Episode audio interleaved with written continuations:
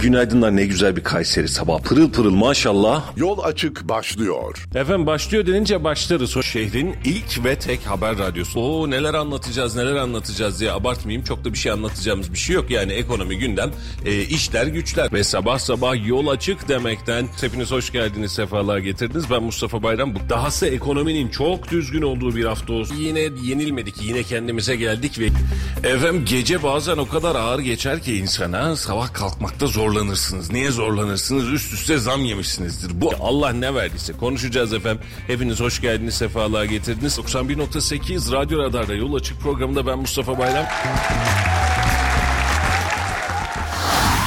Radyo Radar Yol açık başlıyor.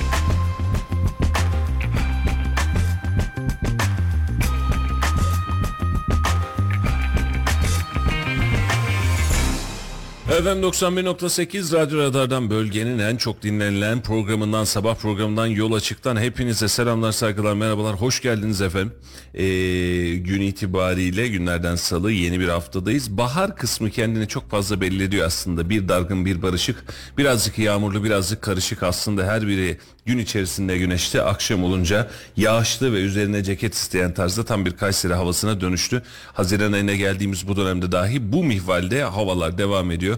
Bakalım inşallah önümüzdeki günlerde güneşli günlere açarız kendimizi. Sana söz yine baharlar gelecek diye adamlar seçim şarkısı yaptı. Seçimi kaybettiler. Baharın gelesi yok. Arada bir aradan bunu çıkarsak mı ne yapsak acaba? Baharı görmeden yaz geldi geçti Yaz geldi diye. geçti diye aynen öyle.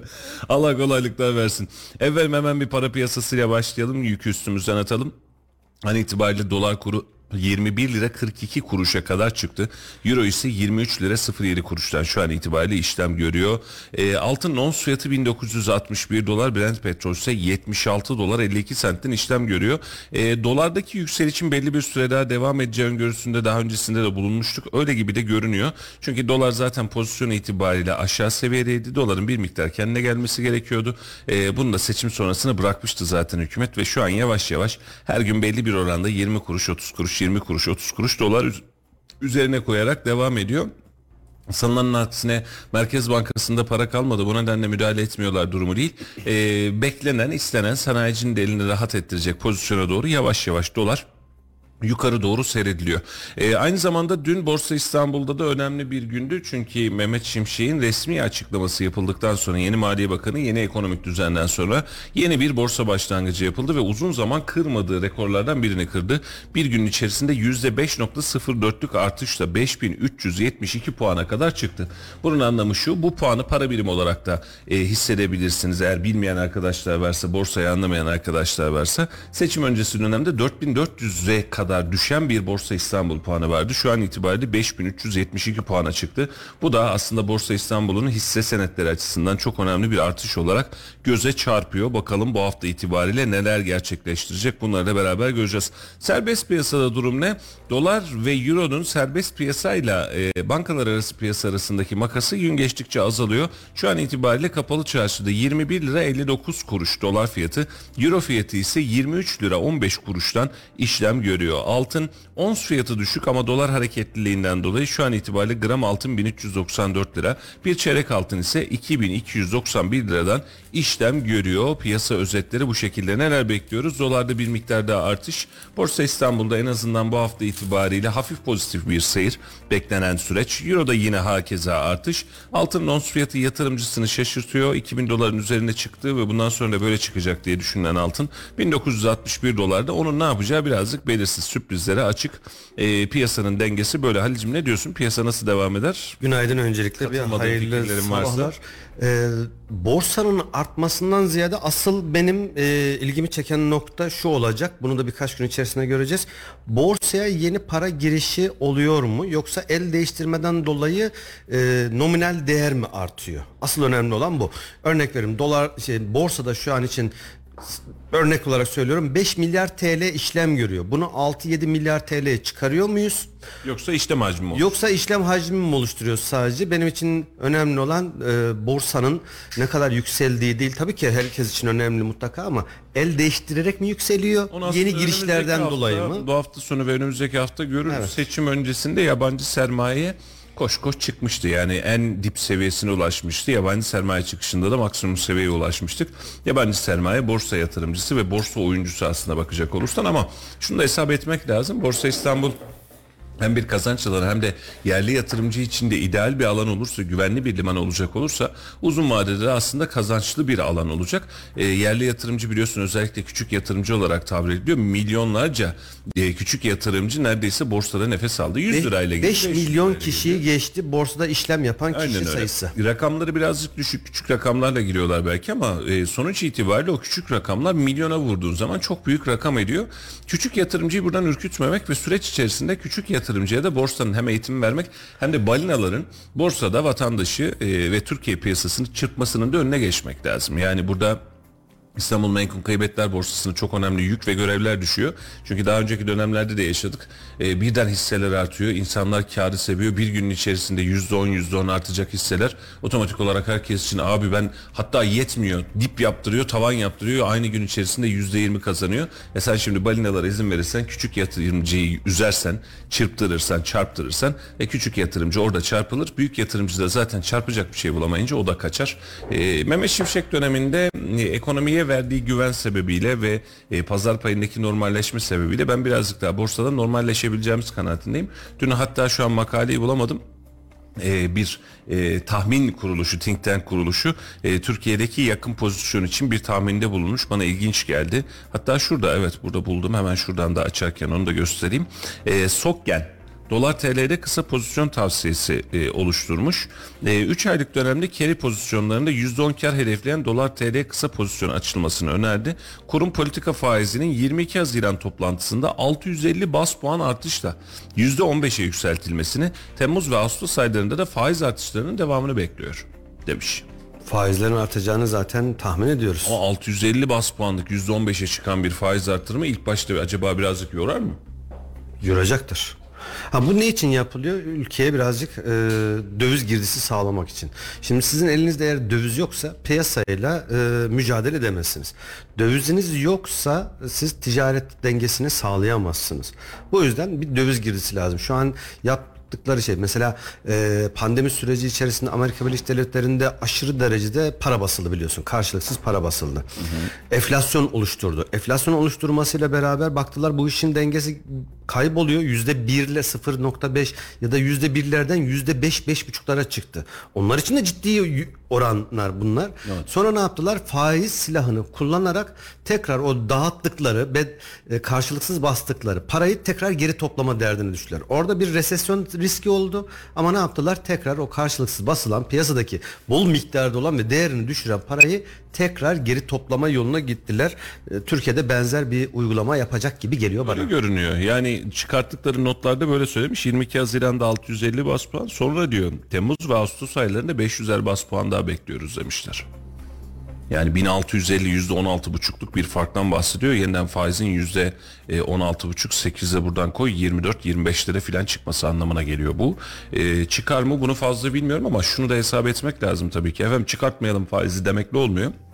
Bu işte NAS böyle emrediyor demekle olmuyor. Piyasada siz bankadan almış olduğunuz faizin orantısına göre bakmanız lazım. Diğer türlü sadece geçtiğimiz dönemde yaşadık bunu. Geçen yıl bankalar belki de e, 100 yılın karını gerçekleştirdi. Yani karlarını 7, 8, 9, 10 kata çıkarttılar. E, o kadar fazlalaştı ki artık vatandaşa nasıl olur da promosyon dağıtırız, vergiden düşeriz derdine düştüler. Hal böyle olunca e, bizim bankalar arası faizle serbest piyasa faizini birbirine denk getirmemiz ve artık e, bazı konularda da e, hayır efendim biz böyle istiyoruz demek yerine piyasa nabzını, piyasa analizini bu anlamda çıkartmamız gerekiyor. Bunun adı faiz lobisi değil. E, çünkü faiz lobisi diyorsanız siz faizi yüzde sekiz buçuğa düşürdüğünüzde bankaların da faizi yüzde dokuza filan düşürmesi. Ben bile mesela şahsen bir banka nasıl kurulur çok araştırdım. Kendi, Yapar bank- mıyız arada diye. kendi bankamı bir Öztürk Bank olarak nasıl yaparım diye düşündüm. Bak değil de Allah esirgesin tabii soyadını verdik şimdi söyleyemeyeceğim işte Halil Tefecilik filan diye bir şey yapabilirsin o arada.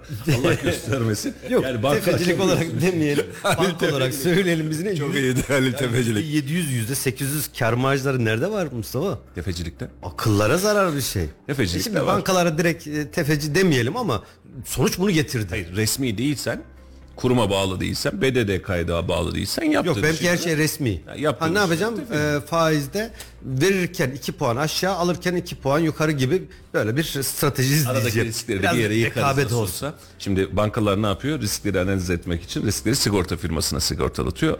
E, Halil Tefecilik ne yapacak? Efendim mafya sigortalatacak. Efendim biz bunu alamadık şunu bir alın en azından. Karanlık tanıma işlerde işimiz yok. Her şey resmi. Her şey resmi. Rekabet ışığında da yapabiliyorsun aynı işi. Çok sıkıntı yok. Karanlık olmasına gerek yok. e, Valla e, piyasa beklentileri bu yönde. E, faiz artışı, sert faiz artışları da bekleniyor. E, tabii ki e, memleketimizin akışının normalleşmesi önemli. Şimdi bankalar arası faiz yüzde sekiz buçuk. Abi yüzde beşe düşürelim. Hadi yarın düşürelim. Bir kararlı oluyor bu iş doğru mu? Peki sonrasında ne oluyor? Şimdi bankalar senin yüzde beşine uyuyor mu? Yüzde sekiz buçuğuna uyuyor mu? Buna bakmak lazım. E, bugüne kadar da hiç uyduramadık desek yeridir. Hatta ara dönemde hatırlıyorsun 0.69 ve 0.99 faiz oranlarıyla özellikle kamu bankalarından biz kredi imkanı oluşturduk. Dedik ki buyurun gelin. E, hatta Tayyip Bey açıkladı bunu bizzat. Yani sizin ev almanız için vesaire yapmanız için size buyurun Hodri Meydan kredi imkanı. Şimdi Devlet Bankası'ndan yapıyorsun ve bunu emirle yapıyorsun. Yani bankanın normuna uygun değil aslında bu.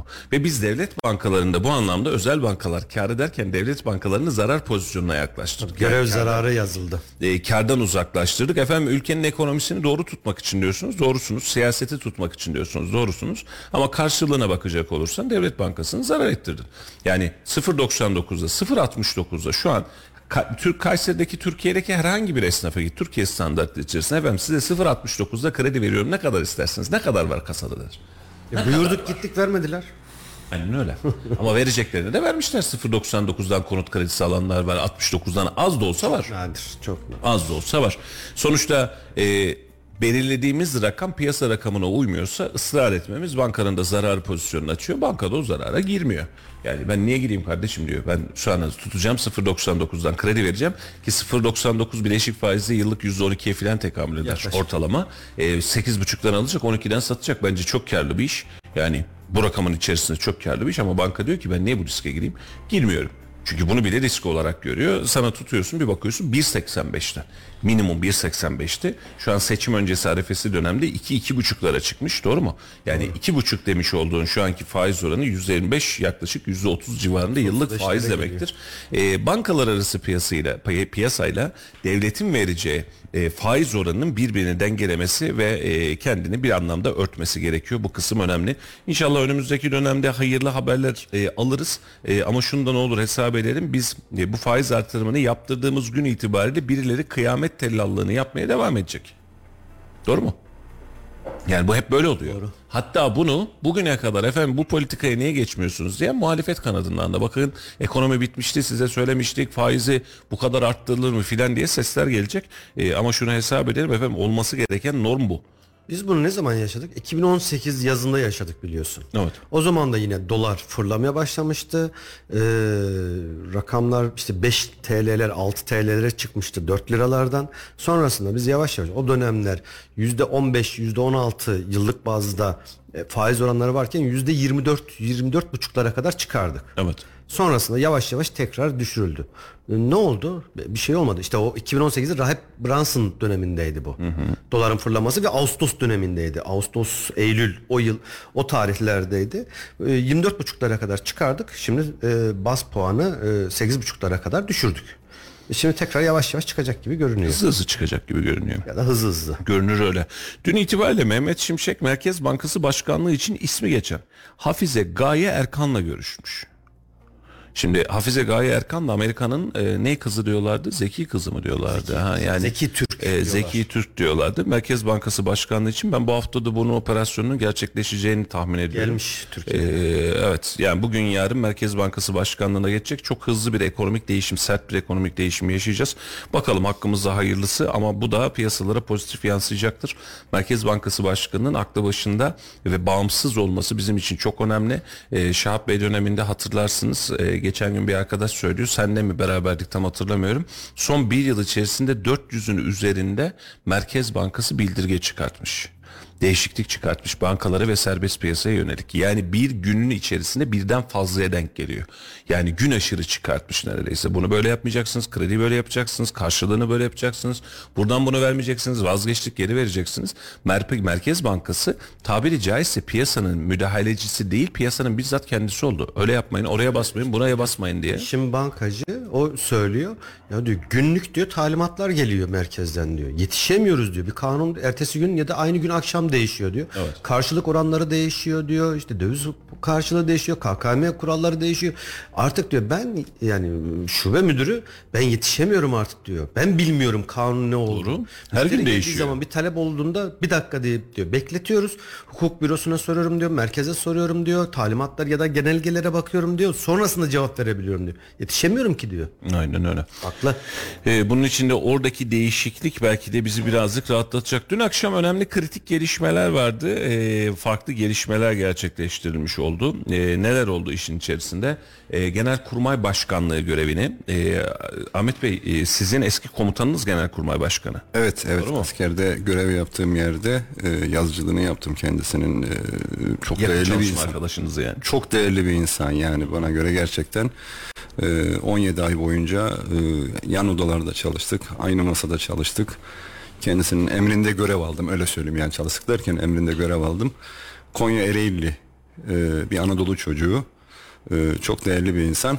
Tebrik ediyoruz. Hayırlı uğurlu olsun. E, isim neydi? Ben şu an haberdar. Musa Avsever. Musa Avse, Avsever. Evet, Avı evet. seviyor. Kurmay albaydı benim yaptığım görevde. Iğdır 5. hudut. Evet. Ya çünkü arz sever diye geçildi vesaire oldu. Birazcık o anlamda dün karışıklık da oldu. Evet. Iğ- Ahmet Bey biliyor. Dün akşam bizi o düzeltti. Benim komutanım o diye. Komutanı. Beş, beşinci hudut alayında o zamanlar kurmay albaydı. Ondan sonra tuğ general, tüm general, kor general, or general. Arada bir kor generallik var.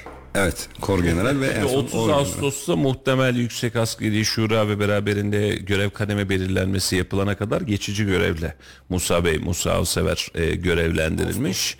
E, Ağustos'ta, 30 Ağustos'ta ben öyle demedim mi? Yanlış mı söyledim? Yok ben de şey- aynısı. Tamam ben, Peki, ben yanlış mı söyledim Az önce acaba? kor generali de ben söylemiştim zaten. Ee, Musa Alsever bu döneme kadar hem Kara Kuvvetleri'ne hem de Genelkurmay Başkanlığı'na bakacak. 30 Ağustos'ta da görev kademe yeniden belirlenecek. Yani şu an vekaleten basıyor, bakıyor. Muhtemel itibariyle asaleten olacak diye tahmin ediyoruz ama burası Türkiye. Yarın bir gün efendim emekliliğini isteyebilir. Yeni bir komutan da atayabilirler. Buna da bakacağız. Dün özellikle e, Hulusi Akar'ı uzun bir aradan sonra görev tesliminde gördük. E, belki görüntülerden fark etmişsinizdir. Hulusi Akar da görevini devretti. E, dün beraberinde ben akşam aslında basın masasında Kürşat'la konuşurken e, beklentimi dile getirmiştim. Boşalan İstanbul Valiliği görevine e, muhtemel itibariyle Gökmen Çiçek gelebilir mi acaba diye bakmıştık. E, hatta bunun da ihtimali olabileceğini konuşmuştuk ama dün e, biz yayının sonrasına hemen hemen yayının içerisinde İstanbul Valisi olarak e, Davut Gül'ün atandığını öğrenmiş olduk. O da İstanbul Valisi oldu. E, Antep değil mi? Yanlış hatırlamıyorum. Gaziantep Valisi olan Davut Gül e, şu an itibariyle İstanbul Valisi olarak göreve atandı. Hayırlı uğurlu olsun. Ben orada Kayseri'yi de etkilendirecek noktada e, belki de e, Gökmen Çiçeği ve İstanbul olur mu acaba diye düşünmüştük. Kısmet değilmiş. İyi ki de kısmet değilmiş. Ee, hayırlı uğurlu olsun. Ee, şu an itibariyle Gökmen Bey'le bir süre daha devam edeceğiz. İnşallah uzun sürer bu. Ee, ama bir taraftan da tabii ki böyle bu kalitede ve bu kumaş seviyesindeki bir devlet adamının önümüzdeki günlerde farklı noktalarda bulunabileceğini de hesaba katmak Birkaç lazım. yıl daha Kayseri'de dursun da. Ondan sonra Ankara'da Burada İstanbul'a şu da gitsin. olabilir. Şahsi Şu an Afet bu. Bakanlığı ile alakalı konuşulanların içerisinde de Gökmen Bey'in adı geçiyor da Afet Bakanlığı henüz kurulmadı. Ee, olası kurulabilecek Afet Bakanlığı görevinde de Gökmen Bey'i de yeniden görme ihtimalimiz var. Ee, bunu da hesaba katalım. Ee, ben yine söyledim. Dün akşam da söyledim. Daha önce de söylemiştim. Ee, Sayın Valimiz Gökmen Çiçek'in e, tabii ki uzun zaman Kayseri'de kalmasını göre görev almasını isteriz. Şehrin her sokağında, e, her ilçesinde, her turizm destinasyonunda, her güvenlik destinasyonunda adamın adı var. E, tabii ki uzun vadeli kalsın. Bu bizim en büyük temennimiz ama böyle bir devlet adamın da sadece Kayseri'de kalsın, başka bir yere bakmasın demek de zor. E, bunu deprem döneminde de gördük. Deprem döneminde neredeyse Kayseri'ye bakamadı. Yardımcıları vasıtasıyla devam etti. Şu an Kayseri'de bir taraftan hala deprem bölgesini uzaktan yönetmeye, koordine etmeye devam ediyor. E, bu anlamda önemli bir isim. İlerleyen günlerde de önemli noktalarda göreceğimiz kanaatindeyim. Bir başka konuda aslında çok uzundur bekleniyordu. Ee, İbrahim Kalın sürprizi oldu. Yeni MİT Başkanı dün saz çalarak videosunu tüm basın kuruluşları paylaştı. Ee, yeni MİT Başkanı artık teröristler yakalanınca diyor böyle saz çalar filan diyorlar. Keyif güzeldi. İbrahim Kalın da görev yaptığı süre içerisinde e, hakkını vermek lazım. Çok beyefendi, çok elit çok kültürel olarak üst düzeyde, sanatsal olarak üst düzeyde çok rahatlıkla açıklamalarını yapan, süreci takip edebilen e, ilginç bir e, yapıydı, ilginç bir devlet adamıydı. E, Milli İstihbarat Teşkilatı Başkanlığında da önemli işler yapacağını tahmin ediyorum ama ben böyle bir adamı e, memleketin çok ihtiyacı olan dönemde örnek veriyorum bir kültür turizm bakanı olarak görmeyi yeğlerim. E, çok ilginç bir yapısı var çünkü kafa da çok ilginç. Muhteşem bir liyakat E, sabah aynı. Şimdi e, bu sadece işte Cumhurbaşkanlığı sözcüsü olmak adına değil kültürü, sanatı kendi içerisinde tuttuğum, tuttuğumuş olduğu sistematiği bunları hesaba kattığımızda burada belki çok çok daha yakışıyordu. Sanatçı kimliği de var. Aynen. Ama artık daha kapalı devre. Bundan sonra İbrahim altına herhalde şöyle deniyor. Hakan Fidan'a çok uzun zaman hiç konuşmadı. Hani kimse konuşmasını bilmiyordu. Devir teslim töreninde şahit olduk. ya. İbrahim Kalın da hep konuştu. Azıcık sen sus diye mi gönderdiler? Mola mı verdiler? Ne yaptılar?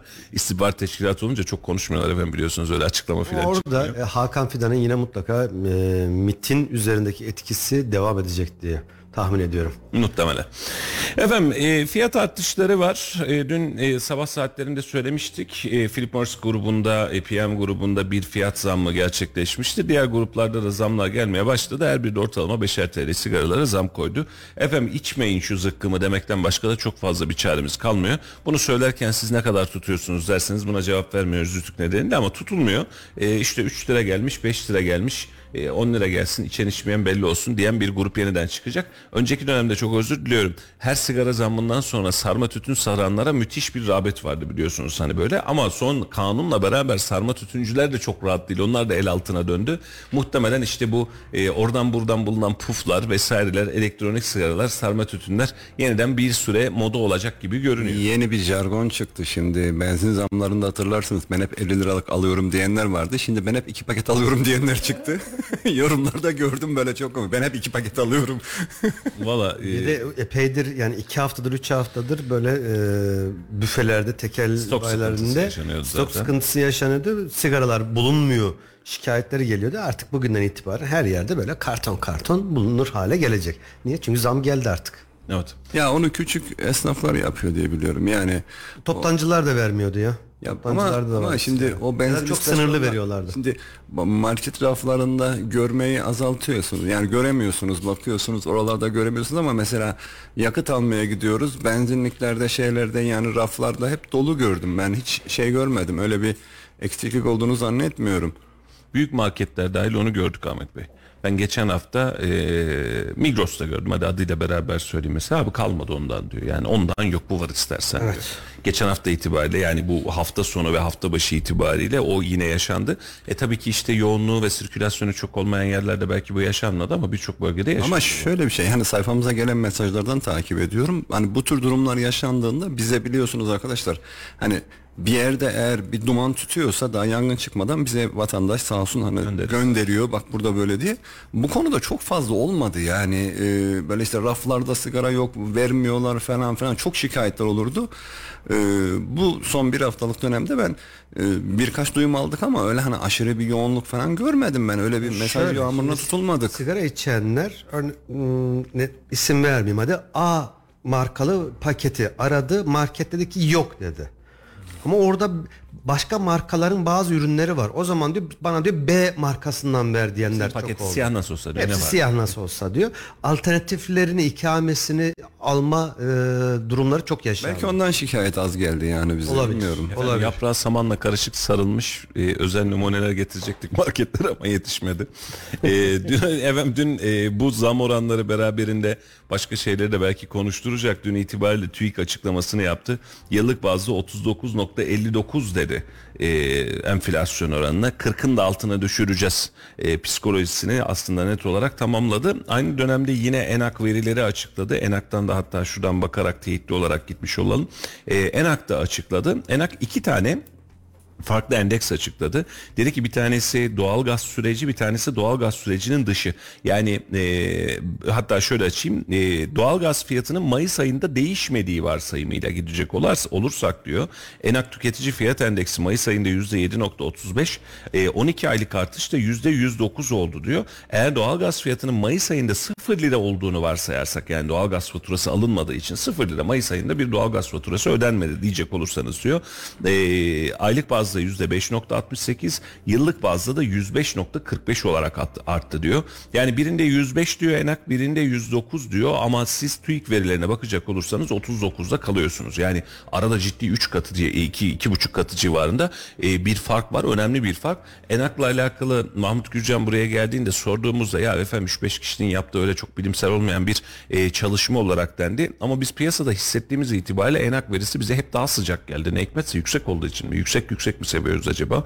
E, ama şu an itibariyle %40 enflasyonu konuşmak için de birazcık İnsanların hissettiği gerçeği biraz daha yansıttığı içindir. Yani ister 3-5 kişi ister bir kişi olsun. Şimdi düşünsene şu deprem tahminlerinde tahmin edenler çıkıyor bilmem car çıkıyor bir sürü bu tür olaylarda. Evet. Ee, bir kişinin tahmini tesadüf eseri dahi tutsa insanlar ona rağbet gösteriyorlar. Şimdi Enak'ta e, böyle bir kehanette bulunmuyor tabii ki yani belli bir araştırma yapıyor ama bir veriyle yapıyor bu Tabii işi. tabii ister 3-5 kişi olsun, ister 30-50 kişi olsun, ister bir kişi olsun. Eğer realiteyi yansıtıyorsa, piyasayı yansıtıyorsa, gerçeği yansıtıyorsa insanlar tabii ki ona e, Ya şey bir de Enak şunu yaptı geçtiğimiz dönemde her ne kadar bazıları tarafından trollense de işte itibarsız efendim şöyledir böyledir dense de Enak kendi oluşturduğu sepeti de yayınladı. Yani bak bizim fiyatımız bu. Biz buralardan fiyat alıyoruz. Bu fiyatlara göre bu bu endekse göre yapıyoruz diye. TÜİK özelinde de ben yeni dönemde TÜİK'in enflasyon açıklamaları özelinde de ciddi bir e, değişim ihtiyacı hissettiğimiz kanaatindeyim. Yoksa düşük çıkartarak belli bir yere gidemiyoruz. Düşük çıkartmanın bize şöyle bir maliyeti var. Üzülerek söylüyorum. Şimdi e, memura zam gelecek, asgari ücretliye zam gelecek. Siz şu an itibariyle ne gördünüz efendim? Yıllık bazda yüzde 40 gördünüz. Memura diyeceksiniz ki siz bu yüzde 40'a göre alın. Şimdi mesela iş yeri kiralarında yüzde 69'a filan tekamül etti dün itibariyle açıklanan rakam. Yıllık enflasyon tüfe ve üfe rakamların ortalaması alınarak işte yıllık kirada bu kadar e, zam yapabilirsiniz. E, kira yıl, kiralayanı hadi o bir şekilde çıkartıyor yeniden sokuyor bir şeyler oluşturuyor e, kiracı özelinde ama çalışanın e, her geçen gün alım gücünü düşüren bir sistematik oluşturduk ve son iki yıldır bunu çok hızlı yapıyoruz. Farkında değiliz. Mesela e, asgari ücrete bir bakın 8500 lira müthiş bir rakam. Şimdi 2250'lerden başladığımız 1800'lerden başladığımız süreçten hesap ederek değil mi? Şimdi 2250 yaptık. O 3000'ler 4000'ler 4250'ler 5500'ler 8500'ler vatandaş aynı parayı aynı maaşı alıp yeniden aynı markete gittiğinde aynı sepeti dolduramamaya başladı. Şimdi dün bir arkadaş söylüyor yani e, çok yalın bir aile aslında böyle çok abartı e, böyle çok lüks içinde abi, abi aylık diyor mutfak masrafımız 10 bin lirayı buluyormuş diyor. 4 kişilik bir aile bu. Şimdi nasıl olur diyorsun. E, Efendim siz de yaşıyorsunuz ben de yaşıyorum. Şimdi hafta sonunda bir markete gidiyorsun. Hadi sen evde çok yemiyorsun. Senin kayınvalide yapıyor yemekleri fark etmezsin o kısmı. Hiç öyle garip bakma. Hafta sonunda sadece kahvaltılık iki çeşit fazla değil bak iki çeşit peynir alıp bir tane temizlik malzemesi lazımdı. Onu aldık. Kasaya geldim 500 lira dedim. Bir önceki hafta aynı markette 800 küsür lira dedim. Ve böyle sepet sepet filan doldurmuyorsun. Kimse kusuruma bakmasın. Şimdi e, şimdi mutfak dediğin hadise eğer sen gün içerisinde 3 öğün yemek yiyorsan, 2 öğün yemek yiyorsan mutfağında çocuğun varsa işte akşam oturup bir yemek yapıp pişiriyorsan tutuyor arkadaş bu. Yani bakın kredi kartı ekstralarında Şimdi- görürsünüz aynısını. Ee, çok pahalı markalar olmamak kaydıyla yani hafta sonları biz de işte bakıyoruz evde kahvaltı edeceğiz pazar günü işte bir iki çeşit senin dediğin gibi şey alayım diyorum 45 lira normal markalardan e, 250 gramlık işte peynir çeşitleri 45 liradan aşağı yok. Evet. Yani o yüzden iki tane peynir aldığında ya da yanına dediğin gibi bir iki parça aldığın zaman 300 lira sadece kahvaltı edebiliyorsun. 200 Bir 300 de liraya. bahsettiğin 200 gramlık peynir Ahmet Bey. Şimdi 200 normal 250 gram, tabii, tabii. hani Normal şartlarda ne olur? Ya gidersin ya atıyorum kaşar peyniri lazım. Misal normal beyaz peynir lazım. Biz biz 5 kişilik bir aileyiz bir öğün yani o peyniri zaten 5 kişi çocuklarla beraber bir öğünde yiyorsun. Aynen öyle. O Yani senin bir öğünlük kahvaltı maliyetin 5 kişilik bir ailedeki bir öğünlük işte reçeli e, ondan sonra e, peyniri işte yumurtası vırt yani çok abartarak filan değil pastırmalardan filan bahsetmiyorum kavurmalardan filan Yok, bahsetmiyorum. yok, hani yok, normal rutininde bir baktığında zaten 5 kişilik aile 500 liradan aşağı çıkamıyorsun o kahvaltıdan.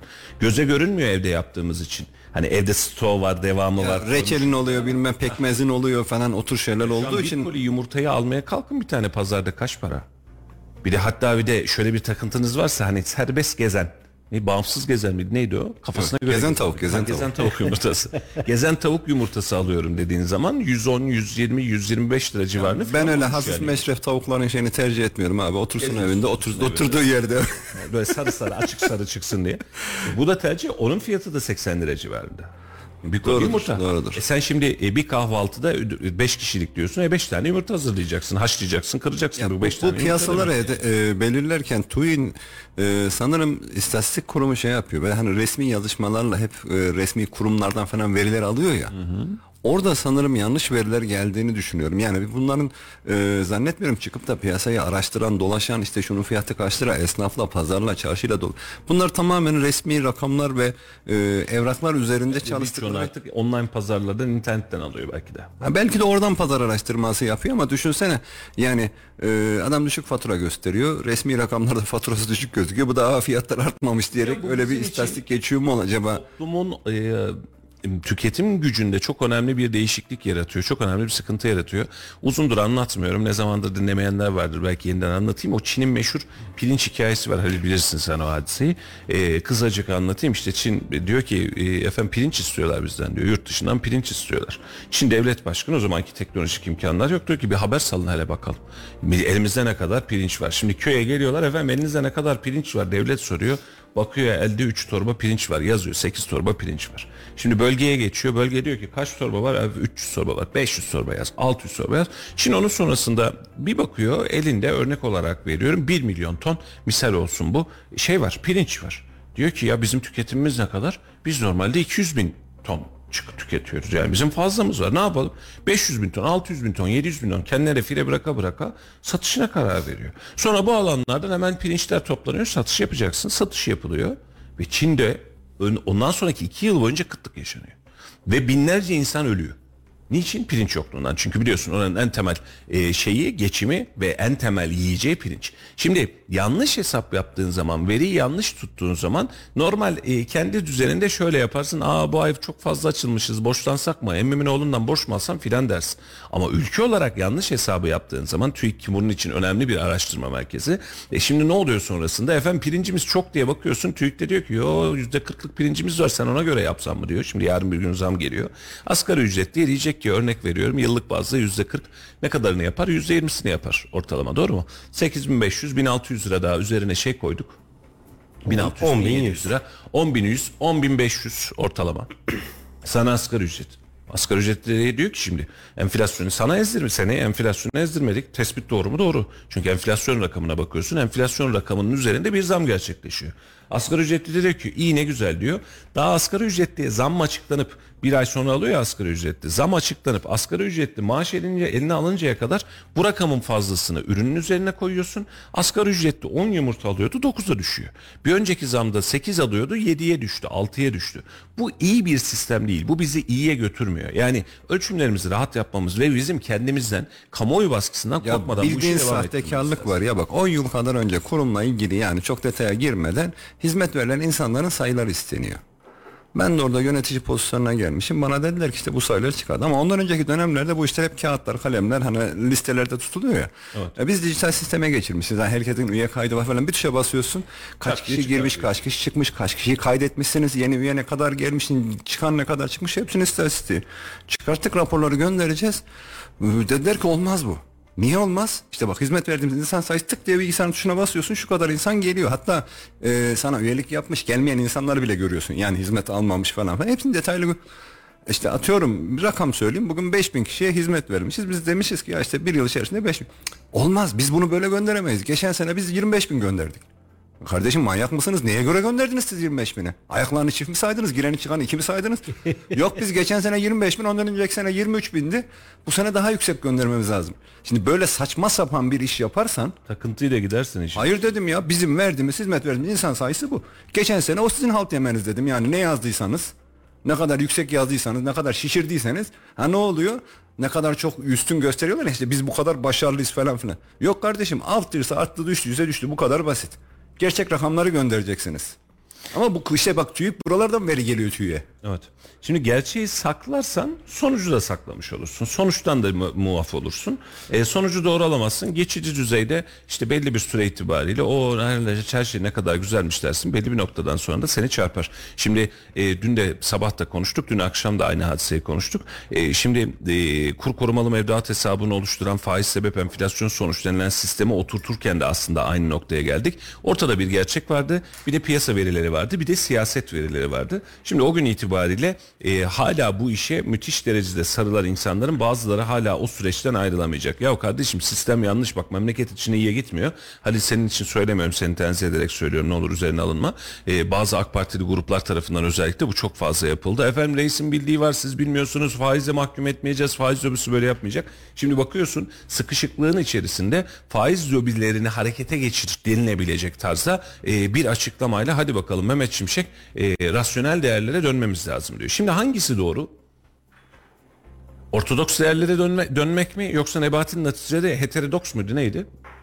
Heterodoks. Bu değerlere dönmek mi? Şimdi o gün inkar ettiğin şeyi, o gün kabul etmediğin, vardır bildikleri, bilmediğimiz şeyler var dediğin hadise bugüne geldiğinde aa bilmediğimiz şeyler yokmuş, adamlar haklıymış noktasına geliyor. Dün Sözcü bizim yayından sonra daha doğrusu onlar bir başlık atmış ben görmemiştim. Ee, çok sevmiyorum başlıklarını ama aslında çok net bir açıklamayla gitmiş. Diyor ki hani diyor bunu söyleyen, buna karşı çıkanlar vatan hainiydi, bunu isteyenler faiz lobisiydi ne oldu bu iş diyor. Sözcüye hak verdim. Yalana gerek yok hak verdim. Çünkü insanlar bir şeyleri sizin için söylüyorsa bunu tartışabilelim ve tartışmanın sonrasında insanları vatan haini pozisyonuna getirmeyelim. Ortada bir veri varsa, rakam varsa bunu konuşabilelim. Yanlış varsa bunu konuşabilelim. TÜİK'le alakalı sıkıntı var dediğimizde biliyorsun bu zamanda çok fazla yaşandı. Efendim siz devletin kurumları. Ya devletin kurumu da yanlışsa yanlıştır yani ne yapayım? Ne yapabilirim? Hata yapamaz mı ya? Aynen öyle. Bilerek de Bir de yapabilir, bilmeyerek şimdi de yapabilir. Dilin sert olması dört gün sonra şimdi bir laf vardır ya işte ağzınızdan kelimeler çıkana kadar sizin kontrolünüze çıktıktan sonra siz onun kontrolündesiniz. Eğer bir şeylere itiraz ediyorsan ya da bir muhalefetin varsa bir konu varsa bunu bu kadar rigid, bu kadar sert, bu kadar uç noktada yani bıçağı kemiğe saplayacak kadar sert eee, karşı çıkmamalısın ya da savunmamalısın. Çünkü ondan sonra keser dönüyor, sap dönüyor. Bir gün kendilerine dönüyor bu laf. Dedikleri kendine geliyor. Bu seçim döneminde çok yaşadık biliyorsunuz. Yani işte bize oy verenler iyi, bize oy vermeyenlerin hepsi hain. Ya böyle bir şey olamaz. Yani bu vatandaş nezdine çok fazla yayıldı. Ya şimdi Tayyip Bey iki gündür üç gündür mesajlar veriyor toplumun her kesimini kucaklamalıyız diye. Kesinlikle kucaklamalı. Hatırlıyorsunuz seçim bittiği gün aynısını konuşuyorduk. Yüzde 48 ile yüzde 52'yi bizim mutlaka barıştırmamız lazım. Yani bu barış mutlaka sağlanması lazım. Kesinlikle fikrim. Abi Ama kim küstürdü? Tamam şimdi barışması lazım da hani e, iki farklı görüşe oy veren insanların sanki birbirlerine kanlı bıçaklı o 80 öncesi dönemdeki gibi millet birbirine kurşun sıkıyor havasına getiriliyor ama böyle bir siyaset şey sağladı. E, bunun bunun bunun da altyapısını yapan insanlar yani onlar o gazı onlar verdi millete. Siyasetin O sağladığı iş onlar verdi. siyaset temizlemeye çalışıyor. Her tarafı barıştıralım diyor. Vallahi lütfen barıştırın. Hızla da barışalım. Küsmemiz için hiçbir sebep Tepeden başlasın abi lütfen en tepeden başlasın da öyle. ondan sonra Ama bunu yaparken sizin de bu sert dilinizi, bu zehirli dilinizi siyaseten bunu tüm iki taraf için de söylüyorum ha yani kimse böyle tek taraf gibi anlamasın. Her taraf için bu zehirli dilden bizim bir şekilde çıkmamız lazım. Birbirimize saygıyı, sevgiyi, anlayışı. Efendim şimdi e, o gün Galatasaray e, Fenerbahçe maçı var. Büyük derbi. Galatasaray şampiyon olmuş, sahaya çıkmış. Futbolcularla kafa göz birbirine dalabilirler. Önceki dönemlerde bunu yaşardık. Öyle mi oldu? Faal yapıyor, birbirini kaldırıyor. Ya bu abi bu böyle. Yani sonuçta sen sahaya çıkıyorsun. Böyle sen siyasetçisin. Bu işin profesyoneli çıkacaksın. Kendini bana beğendireceksin. Ben de sana oy vereceğim. Ama kendini bana beğendirirken beni öyle bir kaptırıyorsun ki işin içerisine. Eğer bunlar gelirse memleket bölünürle başlıyoruz. Bunlar giderse memleket çökerle bitiriyoruz. Yapmayın. Bak bunu yaptığınız zaman ne oluyor? 48 ile 52 hala birbirine dost değil. Şimdi şu çıkan rakamlar biz mesela seçim öncesinde de konuşuyorduk. Doların kuru belli bir miktarda artacak, belli zamlar gelecek, ekonominin toparlanması uzun vadeli iş diye. Şu an itibariyle bakıyorsun mesela Mehmet Şimşek ya da aa gördünüz mü bak Mehmet Şimşek'i bak ekmeğiniz bu fiyat oldu, bununuz bu fiyat oldu. Allah Allah. Ya kardeşim sen bu insanlarla sev ya da sevme 5 yıl boyunca mücadele, beraber yaşayacaksın doğru mu? Bu ülkeyi 5 yıl boyunca senin sevmediğin bu insanlar yönetecek. Sevmemekten bir çıktı artık. Normalleş. Tabii ki eleştirebilirsin. Ama hala seçimin rövanşında kalmışız. Ve bu küskünlük siyasetinden, bu düşmanlık siyasetinden tüm taraflar için çıkmamız lazım. Ama en önemli nokta şu, siyasetçi bu dili kullanırken Kılıçdaroğlu'na söyleyebilir. Örnek veriyorum. Meral Akşener'e söyleyebilir, Ali Babacan'a söyleyebilir, Tayyip Erdoğan'a söyleyebilir, Devlet Bahçeli'ye söyleyebilir. Bunlar söylenebilir sözler. Siyasetçi söyler mi birbirine bunları? Söyler. Siz bunu yapıyorsunuz ama oy verenleri işin içine kattığımız bir dönem oluşturduğumuzda karşımıza çıkan tabloda barışı sağlamak çok da kolay görünmüyor.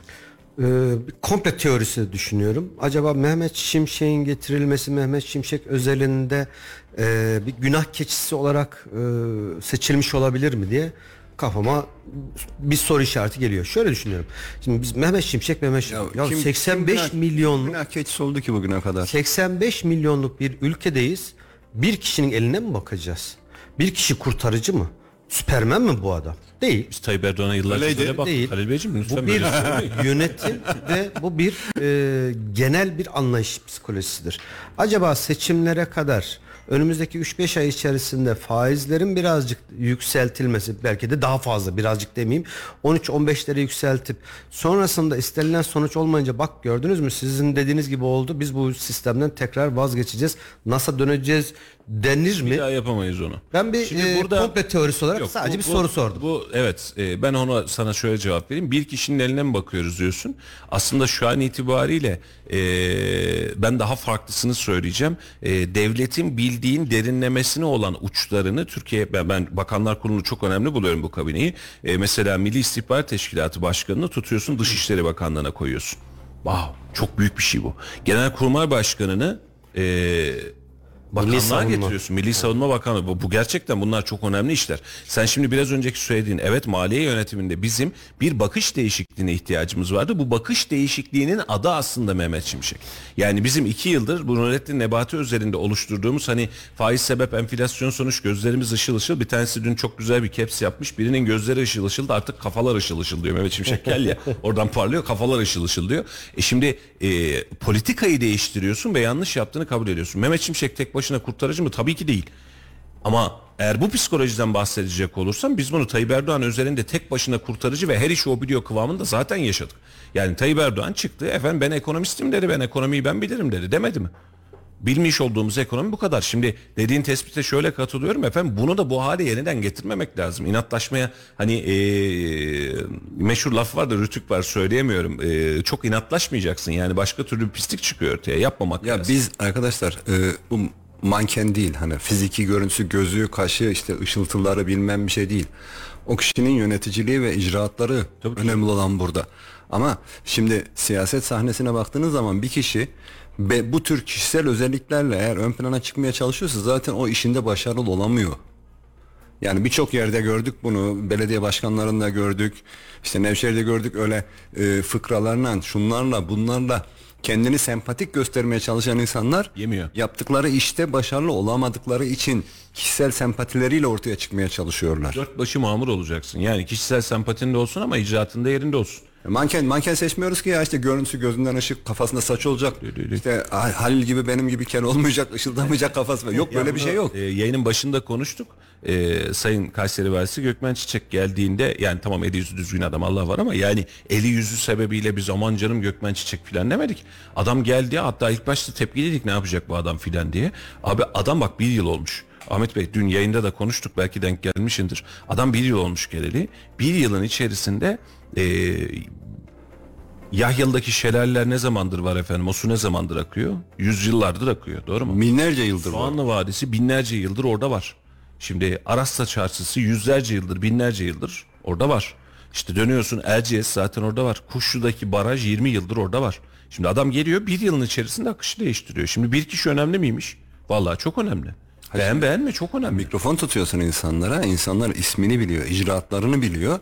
Yolda görse hatta kendisi mikrofon tutsa tanımayacak insanlar bunu söylüyor. Başarısından bahsediyor. Yani ben bundan anlatıyorum. Yani e, kaşı gözü için değil.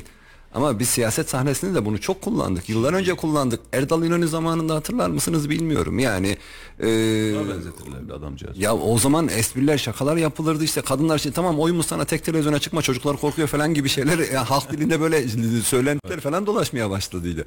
Ya bunlar değil insanların beynindeki fikirler zaten ülkeyi bir yere Fikirler götürüyor. ve icraatlar, icraatı ne kadar yapabildiği de önemli. Ben yeni dönemde Mehmet, sadece Mehmet Şimşek üzerinde değil, Bakanlar Kurulu'nun tamamı üzerinde bu aksiyonu ve çok icracı bekliyorum. Bak şimdi Halicim Milli Eğitim Bakanı Yusuf Tekin yeni Milli Eğitim Bakanımız. Yeni yeni alışacağız. Şimdi ilk açıklamalardan bir tanesi ne kadar önemli olduğunu siz de hesap edersiniz. Siyaset ve bürokraside birçok paradigma değişti de ve değişmek zorunda. Türkiye yüzyılı iddiamızda samimi isek ve başarılı olmak istiyorsak bunun yapılacağı yer kuşkusuz Milli Eğitim Bakanlığı. Altın imzamı atarım.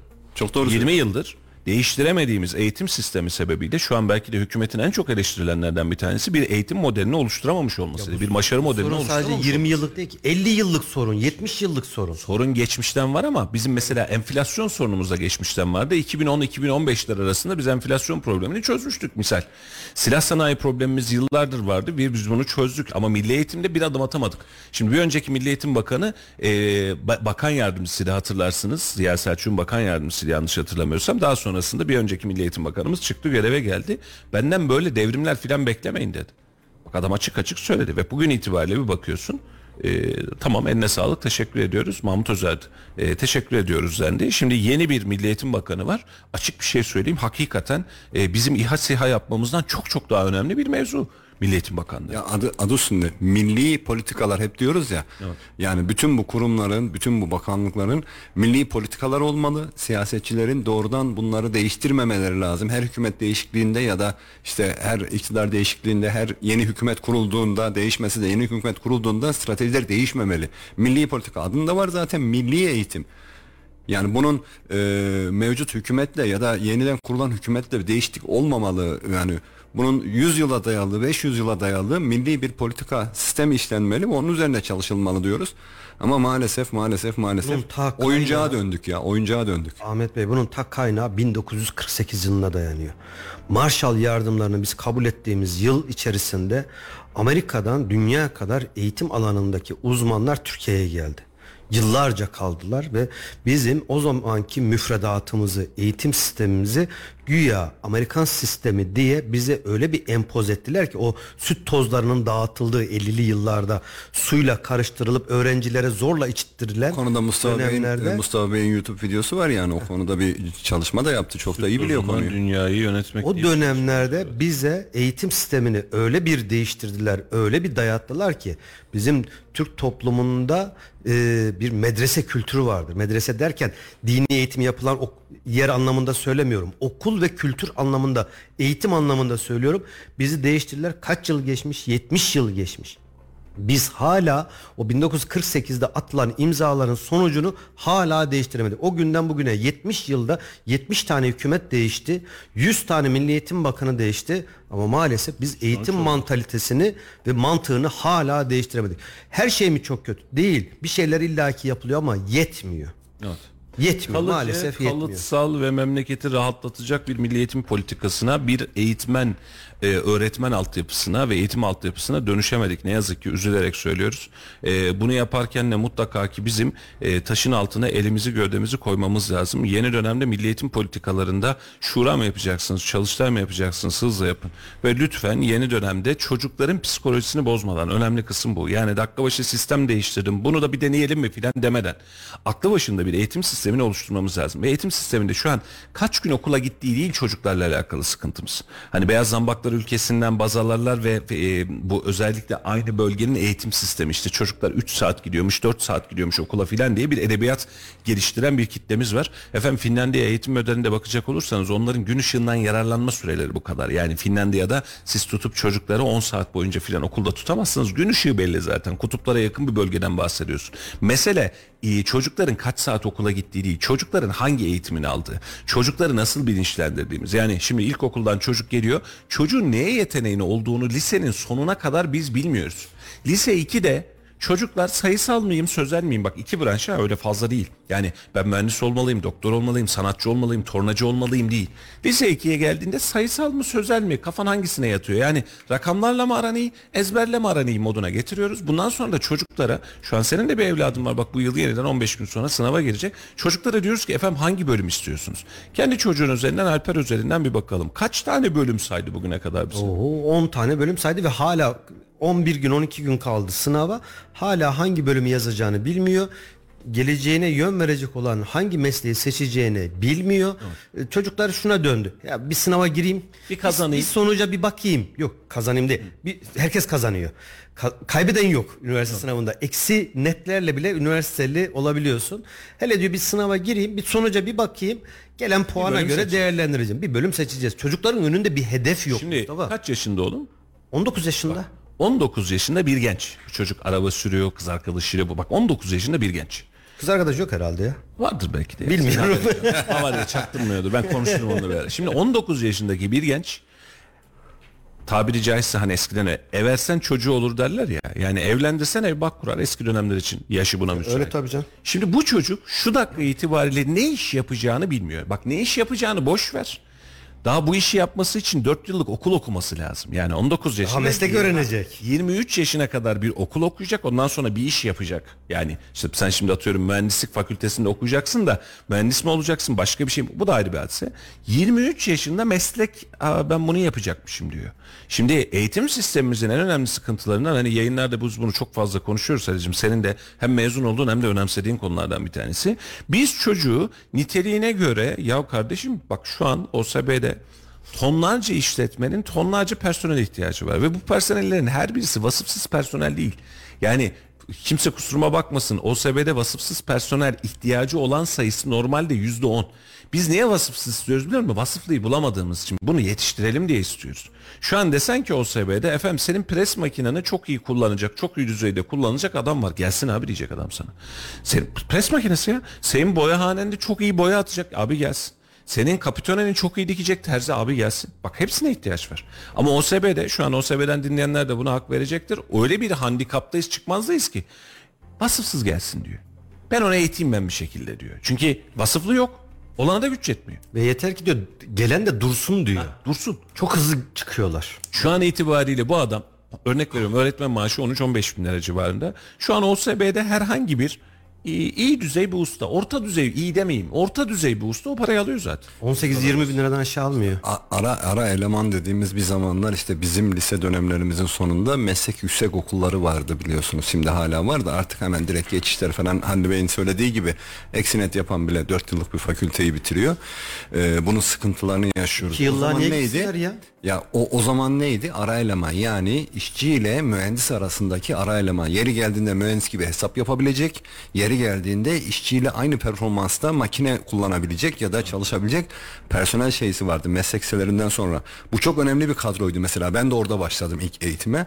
Yani hem meslek sesi hem yüksek okul. O, yani inanılmaz da seviyorduk. Yani hem işi işi anlıyorsun yani oturduğun yerde değil yani elini vurabiliyorsun bir şeylerle çalışabiliyorsun hem onun tekniğini biliyorsun yani e, hesaplamasını yapabiliyorsun mühendisliğini hesaplayabiliyorsun o düzeyde eğitim alıyorduk ve çok keyifliydi yani bizim o eğitim aldığımız dönemler. Kesinlikle bak bizim bu düzeyde şuna bir oluşmamız lazım. Liseden mezun olan ya da ortaokuldan mezun olan yani yaşı 15, 16, 17 yaşında olan bir genç efendim bu yaşta çocuk mu çalıştırır? Yok.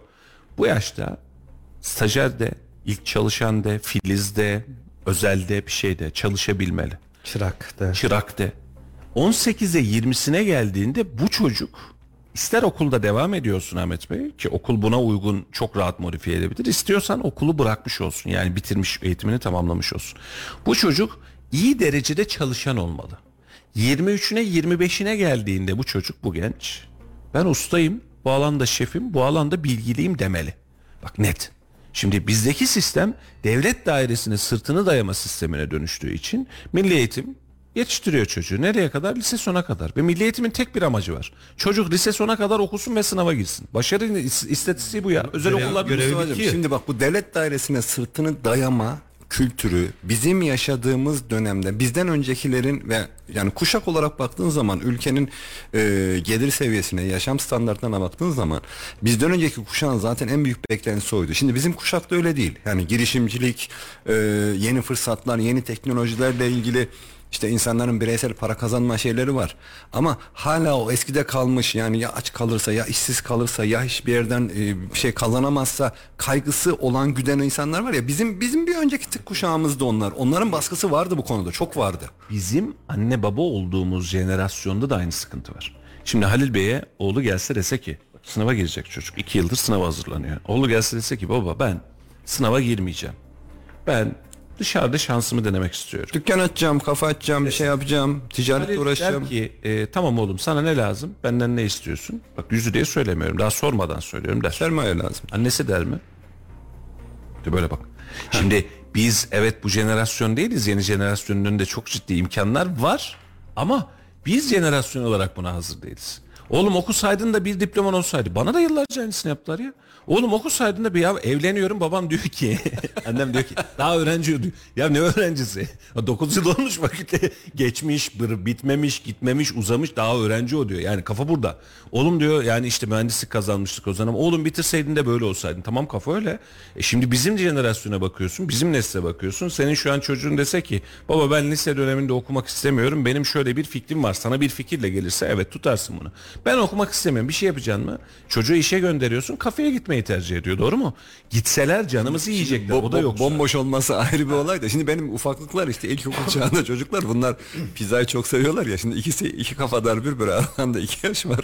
Ee, şey yapıyorlar. Pizzacı dükkan açıyorlar. Biri biri işletiyor, biri işte mutfağı hallediyor falan. O kadar keyif alıyordum ki ben hayale kapılıyorum. Yani çocukların pizzacı açmış iki Yapsalar kardeş. değil mi Bir, böyle bir şey. İlk müşterileri olarak biz ya geliriz. ben de, de ha, o çocukluk hayali yani onların yoksa ben de işte Haloğlu'yla beraber bizim en küçük çocukluk zamanımızda yani e, o biletçi olurdu ben otobüs şoförü olurdum böyle o zaman biletçilerin olduğunda bizim de çocukluk hayalimiz oydu böyle birimiz para alırdık birimiz sürerdik otobüsü. Eğitim sistemi bize bunu vermeli. Bu çocuklarımıza bunu vermeli. Hayal yok, hayal.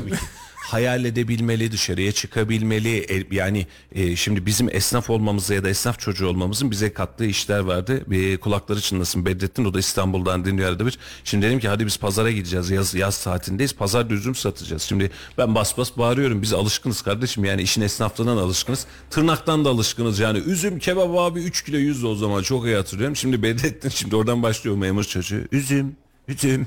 3 kilo 100 falan Domates, domates. Aynen, Aynı valla biz onu bizzat yaşadık. Bir haftanın sonrasında o da bağırmaya başladı. Sonra dedi ki ya kardeşim ben ayın 15'inde her ayın 15'inde maaş alan bak hala konuşuruz. Her ayın 15'inde maaş alan bir babanın evladıyım. Ben alışkın değilim buna dedi. Ve bak yıllar geçti. Allah yolunu açık etsin. Çok iyi yerlerde çalıştı. Hala da çok iyi yerlerde çalışıyor. Ama esnaflığa doğru dönelim mi riski alalım mı risk onun için bir korku. Şimdi bu sadece ticari anlamda değil birçok herkes ticaret yapmalı mı? Hayır. Ama bir taraftan da ticaret yapabilen de ticarete dönebilmeli, üretime dönebilmeli, istihdama dönebilmeli. Ve biz bunu eğitim sistemimizin içerisinde çözeceğiz. Bakın milli eğitim ayrı bir dünya, yüksek öğretim YÖK ayrı bir dünya. Rektörün insafına kalmışsın, oradaki hocanın insafına kalmışsın. Orada milli eğitim gibi de değil. Yani öyle bir şey de yok. Yani 4 hepsi, yıldır bütün üniversiteler açık öğretime döndü ya. yani hepsi çok özür diliyorum hocalarımdan da dinleyen vardır. Her birisi zannedersin ki İlber Ortaylı alanında çok rahat. Çocuklara bakıyorsun. Çocuklar maraba. Ya etmen arkadaş. Yani bak işinizde bu kadar iyiyseniz ve siz bu devletin imkanlarıyla bu yüksek öğretim kurumundan maaş alıyorsanız doğru mu? Senin bu çocukların canavar olmalı. Hoca öyle bakmıyor üniversitede. Bak milli eğitim yine bu anlamda insaflı. Üniversite diyor ki ben tahtaya çıkarım. Benim yetkinliğim var. Doçentim, profesörüm, vırtım zırtım. Tahtaya çıkarım, dersimi anlatırım. İşimi yaparım. Ana ne? Bir de yoklama alırım canım isterse. Bazen almam. Şimdi iyi güzel söylüyorsun da abicim. Sen 4 yıllık üniversiteyi bitirtiyorsun. Çocuk geliyor bana. Burada burası bir işletme. Çocuk geliyor. Abi ben diyor şu bölümü bitirdim. Otur da şuradan başla diyorsun. Neyden başlayayım abi diyor. Bak asıl Şimdi sorun çok özür diliyorum. E, küfrü sen yiyorsun. Memleket kaybediyor. 4 yıl boyunca şimdi Halil çocuğunu kazandıracak. 4 yıl boyunca bu çocuk okuyacak. Yaptın mı ortalama hesabını? Yıllık neye mal olacak bu çocuğun okuması sana? 100 bin lira. Minimum. Yani hadi gücüm var da yetiyor Halecim. Yani şurada köydeki Mehmet amcamın işte elinde 3 dönüm 5 dönüm yer olan işte 4 tane ineğiyle hayatta tutunmaya çalışan Mehmet amcamın çocuğunu da biz okutmaya çalışıyoruz. O parayı verirken de göbeği çatlayacak bu adam. Ve bunun sonrasında 4 yılın sonrasında hocaya diyorsun ki ya hocam böyle biz verdik kardeşim eğitimi diyor. Biz dünya standartlarında verdik. Bakarsın dünyanın en iyi 100 üniversitesi, 300 üniversitesi ya da bilmem bir şey bölümünün 500 üniversitesi arasında ödüller almış. Çocuğa bak. Çocuğa bak bir ya.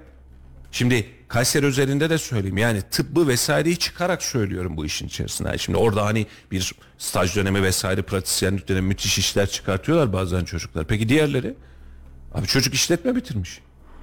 Çekten haberi yok, senetten haberi yok, cari hesaptan haberi yok. Hiçbir şeyden haberi yok. İşletme bitireni. Ya en kötüsü dersin ki ya gel kardeşim şunun ucundan tut. Şu işletmemi. Yok ki ufuk.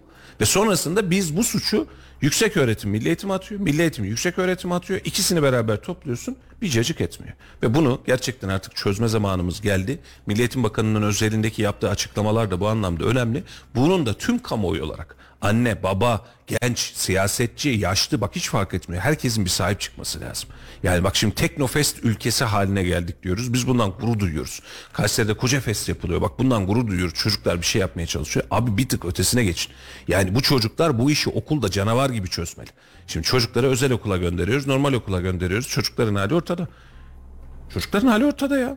Ya aileler 10 yaşındaki çocuğu influencer yapıp onun üzerinden para kazanmaya hedefledikten sonra ne bekliyoruz ki bir de böyle bir şey var. Teknofest'lerde işte Koca Sinan Belediyesi'nin yaptığı e, Koca Fest'te diğer yerlerde dikkatinizi çeken bir şey oldu mu? Böyle enteresan değişik icatlar var. Çok güzel icatlar var. Yapanların neredeyse tamamı lise öğrencileri. Hiç üniversite öğrencilerinin herhangi bir mühendislik alanında bir icat yaptığını gördük mü? Onların Varsa da biraz tek daha tük. hayatları farklı yerlerde Tek tük. geçiyor. Şimdi e, meslek liselerdeki meslek lisesinden mezun olan ne olarak mezun oluyor Ahmet Bey? Teknisyen. Teknisyen evet. İki yıllık meslek yüksek okulu okudu. Bitirdiği zaman ne oluyor? Tekniker. Tekniker. Çok güzel. Dört yıllığı bitirdi. Mühendis. Mühendis. Bu şey olarak e, mesleki anlamda 4 yıllık fakülte mezunu olmak demek mühendis olmak demek. Bak teknisyen, tekniker, mühendis. Biz teknikerliği bitirdik. Teknisyenlik bölümünde çünkü 2 yıllık okuyan yok neredeyse. Üniversiteyi kazanmak çok kolay. Her bölümü kazanmak çok kolay. Bir kere e, üniversiteyi kazanmayı zorlaştırmamız lazım. Üniversite bizim tek kurtuluşumuz değil. Herkes üniversite mezunu olmak zorunda değil. Bu sene yaklaşık kazanmayı nasıl zorlaştıracaksın? Mustafa. Memlekette toplamda 30 tane 40 tane üniversite vardı. Yüzün üzerinde üniversitemiz var Mustafa, şu an. Neyini bu zorlaştırıyorsun? sene kaç kişi giriyor biliyor musun üniversite sınavına? Yaklaşık milyon 4 milyon. Maşallah. 4 milyon ya akıllara zarar bir rakam. Girmesin abi. 4 milyon gencin üniversite kazanacağım, okuyacağım ve bir şey olacağım diyor modu var. Net söylüyorum, net iddiamdır. Bu 4 milyonun içerisinden 100 bin tanesinin belki hedefi vardır. Bak bu da çok büyük bir rakam ama 100 bin tanesinin belki hedefi Çok bile söyledin. Aynen. Geri kalan 3 milyon 900 bin genç bir şey kazansam da Allah ne şey verirse. yapsam. Ailem Ve bunu- okuyor desin diyor. Hah, Yani bunu şimdi hükümetin mesela çok yaptığı güzel önemli işlerden bir tanesiydi belki diğerlerinden bahsederken ama üniversite efendim burada da açtık burada da açtık üniversite olmayan ilk kalmayacak iyi. E, bu üniversiteler neyi okutacak abi? Bu 4 milyon çocuktan alacak doğru mu? Önceden öğrenci kapasitemiz ya Erciyes Üniversitesi sen burada örnek olarak veriyorum Nuh Naci Yazgın Üniversitesi'ni oluşturdun açtın diye Erciyes Üniversitesi 100 bin olan kapasitesini 90 bine düşmedi ki. 100 bin vardı 10 bin de oradan geldi. AGÜ geldi 10 bin de oradan geldi. Ya abi üst üste açıyorsun da ne yapacağım ben bu kadar üniversiteyi? Çıkan zaten üniversitede işsiz olarak çıkıyor. yani bana nitelikli İnsan- üniversite yap. insanlar diploma almak için okuyor. Meslek sahibi olmak için okumuyor. Belli bölümleri tıp gibi falan hani tenzih ederek söylüyorum. Hukuk, tıp hani bu tür e, meslek sahibi yapan bölümleri tenzih ediyorum. Sadece diploma almak için okunan onlarca bölüm var. Okuduk mu okuduk. Bayraktar yeni mesleki teknoloji lisesi açıyor. Her bir öğrenciye de asgari ücret düzeyinde burs verecek. Her bir öğrenciye. Muhteşem ötesi bir şey. Bak ne yapacak adam? Kendi ihtiyacını kendi karşılıyor. Çünkü teknoloji şirketi. İHA'lar yapıyor, SİHA'lar yapıyor, füzeler yapıyor bilmem ne. kuruyor. Hah, ne yaptı? Çok güzel bir şekilde meslek lisesi o çocuğu 15 yaşında alacak. 4 yıl boyunca muhteşem bir şekilde eğitimini verecek. Üniversiteyi okuyup mühendis olursa ne ala onu da devam ettirecek. de açar zaten. Açacak zaten. Yoksa o e, şeyi ara elemanlar olarak te- teknisyenler olarak istihdam edecek. OSB'de teknik lise var. OSB teknik lisesi var. Harika bir şey. Ya bizim artık şu üniversite hayallerinden vazgeçip mesleki eğitime dönmemiz lazım artık. Bir. iki 12 yıllık zorunlu eğitimi kaldırmamız lazım. Mutlaka ama mutlaka. Üniversiteleri zorlaştırmamız lazım girişleri. Şu an itibariyle şu metinleri bitirelim. Ee, Instagram'da tesadüfen denk geldi. Ege Geyikleri diye bir hesap. Neyse öğrencinin sesi diyor. Üniversitede her gün derslere çalışıp 3.86 ortalama ile bitiren de benim gibi sürekli gezen, eğlenen, son gece sınava çalışıp 2.60 ile bitiren de mezun oldu. Evet. Anlatabiliyor, anlatabiliyor muyum diyor. İkimiz de işsiziz. Tablo bu. Efendim Ve bir ee, de çok özür diliyorum parantez. Artık şu sınıfta kalmama olayını da kaldırıp sınıfta kalmayı da tekrar e, gündeme getirmek gerekiyor. Niye? Çünkü ya sınıfta kalan öğrenci demek ki bunun okumakta yüzü yok. Ya Bunu biz- bir an önce iş hayatına atacaksın. Biz, biz sürekli olarak öğrenciyi rahatlatsın, veli rahatlasın, öğrenci istediği kadar rahat takılsın modelinde bir eğitim sistemine döndük. Ee, sana katılıyorum. Öğrencinin becerisi ve yeteneği yoksa sınıfta kalacaksa kalsın, bölüm değiştirecekse değiştirsin ve biz mesleki tercihleri ilkokul sonrasında bitirmiş Ne olmalıyız. yapıyoruz biliyor musun Mustafa? 15 yaşında ya bu çocuğu ne yapacağız? Bak okumakta da yüzü yok. Ne yapacağız deyip o 15 yaşındaki çocuğu bir mesleki yöne yönelteceğimize biz aynı çocuğa 25 yaşında aynı derde düşüyoruz. Aynen öyle. Net söylüyorum. İlkokul biterken çocuğun neye eğilimli olduğunu bizim çözmemiz lazım. Çünkü ona göre ortaokulda artık bir mesleki eğitime mi başlayacak? Ne yapacak? Ha mesleki eğitimde güzel gidiyor. Üniversitesini okusun. Ya abi mesleki eğitimde limiti var. Herkes gitmesin. O da gitsin e, bir yerden bir işin ucundan tutsun derim. Efendim enflasyon rakamlarını sokağa sorduk. Tüketici fiyat endeksi Mayıs aylık bazda %0.04 artış gösterdi. Yıllık enflasyon ise %39.59'a geriledi. Bu konu hakkında ne düşünüyorsunuz demişiz. Laf Sokak'ta ekibi sokağın nabzını almaya çalışmış. Biz de e, Laf Sokak'ta ile sizi baş başa bırakacağız. Sürçülisan ettiysek affola ama yarın yine aynı saatlerde sürçülisan etmemek için yeniden aynı frekansda orada olacağız. Dinlediğiniz için, tahammül ettiğiniz için, mesajlarınızla desteklediğiniz için hepinize ayrı ayrı teşekkür ediyoruz. Yol açık. Yarın yine aynı saatte burada olacak. Yarına dek kendinize iyi bakın efendim. Hoşçakalın. Hoşçakalın. Hoşçakalın. Evet biz de geriledik. enflasyonun gerilediğini siz inanıyor musunuz? Gülerler buna. Gülerler. Ha enflasyon arttıysa bu taraftan da maaş arttı. Gerçekten enflasyon eee, bu ülkede çok yüksek. Tüketici fiyat endeksi Mayıs'ta aylık bazda %0,04 artış gösterdi. Yıllık enflasyon ise %39,59'a geriledi. Siz bu konu hakkında ne düşünüyorsunuz? Şimdi ben bu konu hakkında ne düşünüyorum? Ee, şöyle bir durum var ki yani. Ee, inşallah herkesin durumu iyi olur. E, çok şükür yani ben memnunum diyelim yani. Allah herkese kolaylıklar versin. Ya şimdi ister istemez etkiliyor tabii ki yani. Ha, niye? E, bugün e, dar gelirli vatandaşlar var. E, gene diyorum yani yapacak bir şey yoktur. Allah'a çok şükür. Ama reise de güveniyorum yalnız. İnşallah düzelecek. Yani o merak edenler de pek fazla şey yapmasınlar. Düşünmesinler. İleriye yönelik her şeyimiz güzel olacak inşallah Allah. Arkadaşımın dediği gibi yani eee, doğru olduğuna inanmıyoruz. Birçok şeylerde olduğu gibi herhalde bizi de bu konuda biraz aldatıyorlar. TÜİK'in verdiği bu rakamın inandırıcı olduğunu düşünmüyorum. Eee, marketlere falan gittiğimizde bu rakamların zaten gerçekçi olmadığını görebiliriz kolaylıkla. Bir de bu e, enflasyon rakamına hangi şey katıyorlar bu bir. İkincisi de şu hani gaz bulundu da e, hani o ay gaz parası almadılardı ya. Bu gaz parası düşüyormuş o enflasyondan. O enflasyondan düştüğü için belki düşük görünmesinin nedeni bu. Yoksa şu fiyatların ben marketlerdeki gıda tüketim e, maddelerdeki fiyatları yansıttığını düşünmüyorum. Vallahi şu anda bizim gördüğümüze göre enflasyon %39 diyorsun da %65'ler de enflasyon herhalde. Yani son duydum %65 olarak duyduk da inşallah bundan sonra iyi olacağını da düşünüyor. Şu anda e, işte yeni hükümetimiz bu e, Hazine Bakanı olsun, diğer bakanlarımız olsun hepsini değiştirdi. İyi olacağına inanıyoruz inşallah. Ülkemiz iyiye gideceğine kanaat getirdik yani. 4-5 ay içinde bayağı bir sıkıntımız oldu ya şimdiden sonra herhalde Emekli olduğumu bir kere. Alım gücün var mı şu anda? var ya niye yok diyelim var gene de. Kaç lira verdin abla? Ne aldın? Tabii He. şimdi şimdi eğer Gel o zaman ablam gel. şey. Şu anda şöyle söyleyelim yani 6 ay için biraz alım gücümüz zayıflamıştı ama inşallah bundan sonra iyi olacağına inanıyorum yani. Allah herkesinki gayet iyi. Çalışana var para. Maaşlara zam. Aman onlara bakma onlar ağlıyor. Herkesin bak git e, her evde bir araba. Her evde bir araba. Her şey otomatik. Ne yok. Yalan söylüyorlar. İnanmayın. Ne yaparsa Tayyip Erdoğan yapar ya.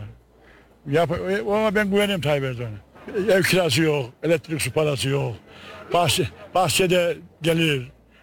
Havuzdan balıklar geliyor. Bir, bir sıkıntı yok. Kesinlikle öyle bir şey yoktur ya. Bu medyanın bir yalanıdır yani. Şu an enflasyon yüzde otuz değil de yüzde beş yüz deseniz e, yeridir yani. Evet biz de geriledik. Normal yine hükümet kuruldu. İleride ne olacağı da belli olmaz. Belki düşer da yükselebilir. Yani, yani geriledi desem tahmin etmiyorum geriledi yani de yani. Yani öyle konuşulur, söylenir. Görüşler ayrı ayrı olur yani. Ki %39'a enflasyonun gerilediğini siz inanıyor musunuz? Bence Türkiye'de enflasyon %400. Onun için daha bu millete her şey gerek. Niye gerek? 21 sene bir insanın peşinden getirdiğin Türkiye'ye getirmiş oldukları dış borç, dolar bilmem neler fırlayıp gitti. Bunun içinde herkes layığın layığını gördü. Ekmek zamlandı, euro dolar bilmem ne yaptı. Yakın zamanda her şey fırlayacak. Her şey hakikaten yaşar. Gülerler buna. Gülerler. Çok daha fazlasını hissediyoruz. En az iki katını hissediyoruz. Gelirlerimizi de o düşük enflasyona göre ayarladıkları için fakirleşiyoruz. Enflasyon her anımızda etkiliyor. Nereye gitsek bir yemek yemeye gitsek bir alışverişe gitsek olumsuz etkiliyor. Ya moralimizi bozuyor. Motivasyonumuzu kaçırıyor. Alım gücümüz düştü. Eskiye göre çok daha düştü. İki sene önce, üç sene önce daha mutluyduk. Daha fazla iş yapıyordu aldığımız emekli maaşı. Şimdi hiç yetişmiyor.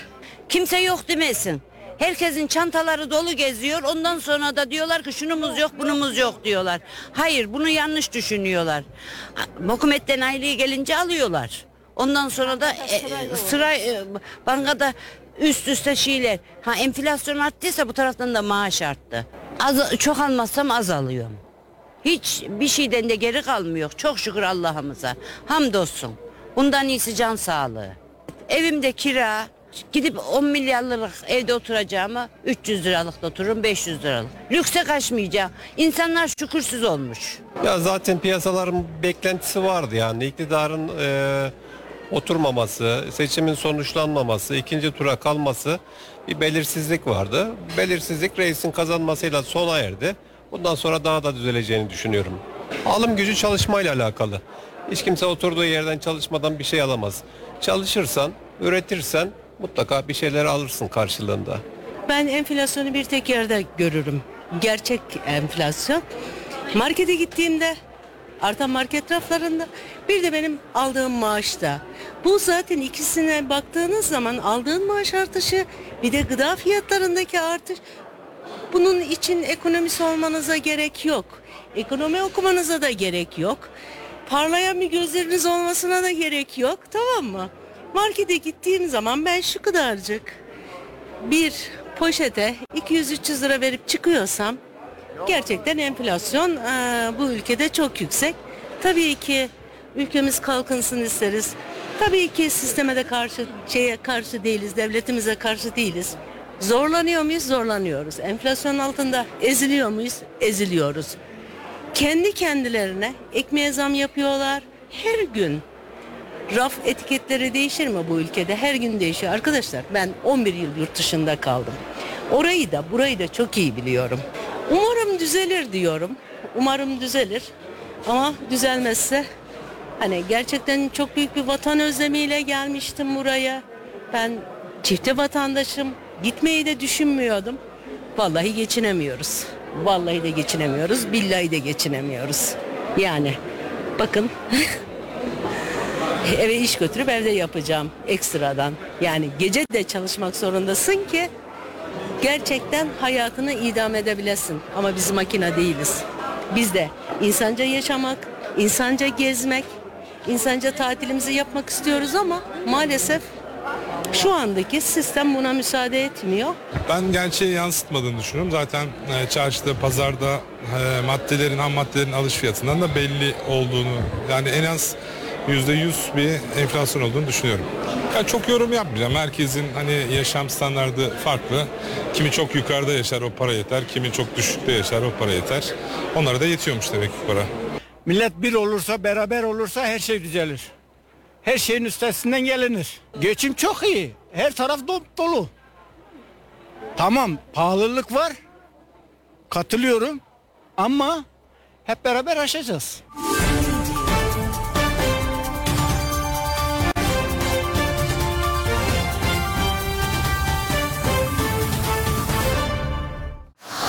Radyo Radar yol açık sona erdi.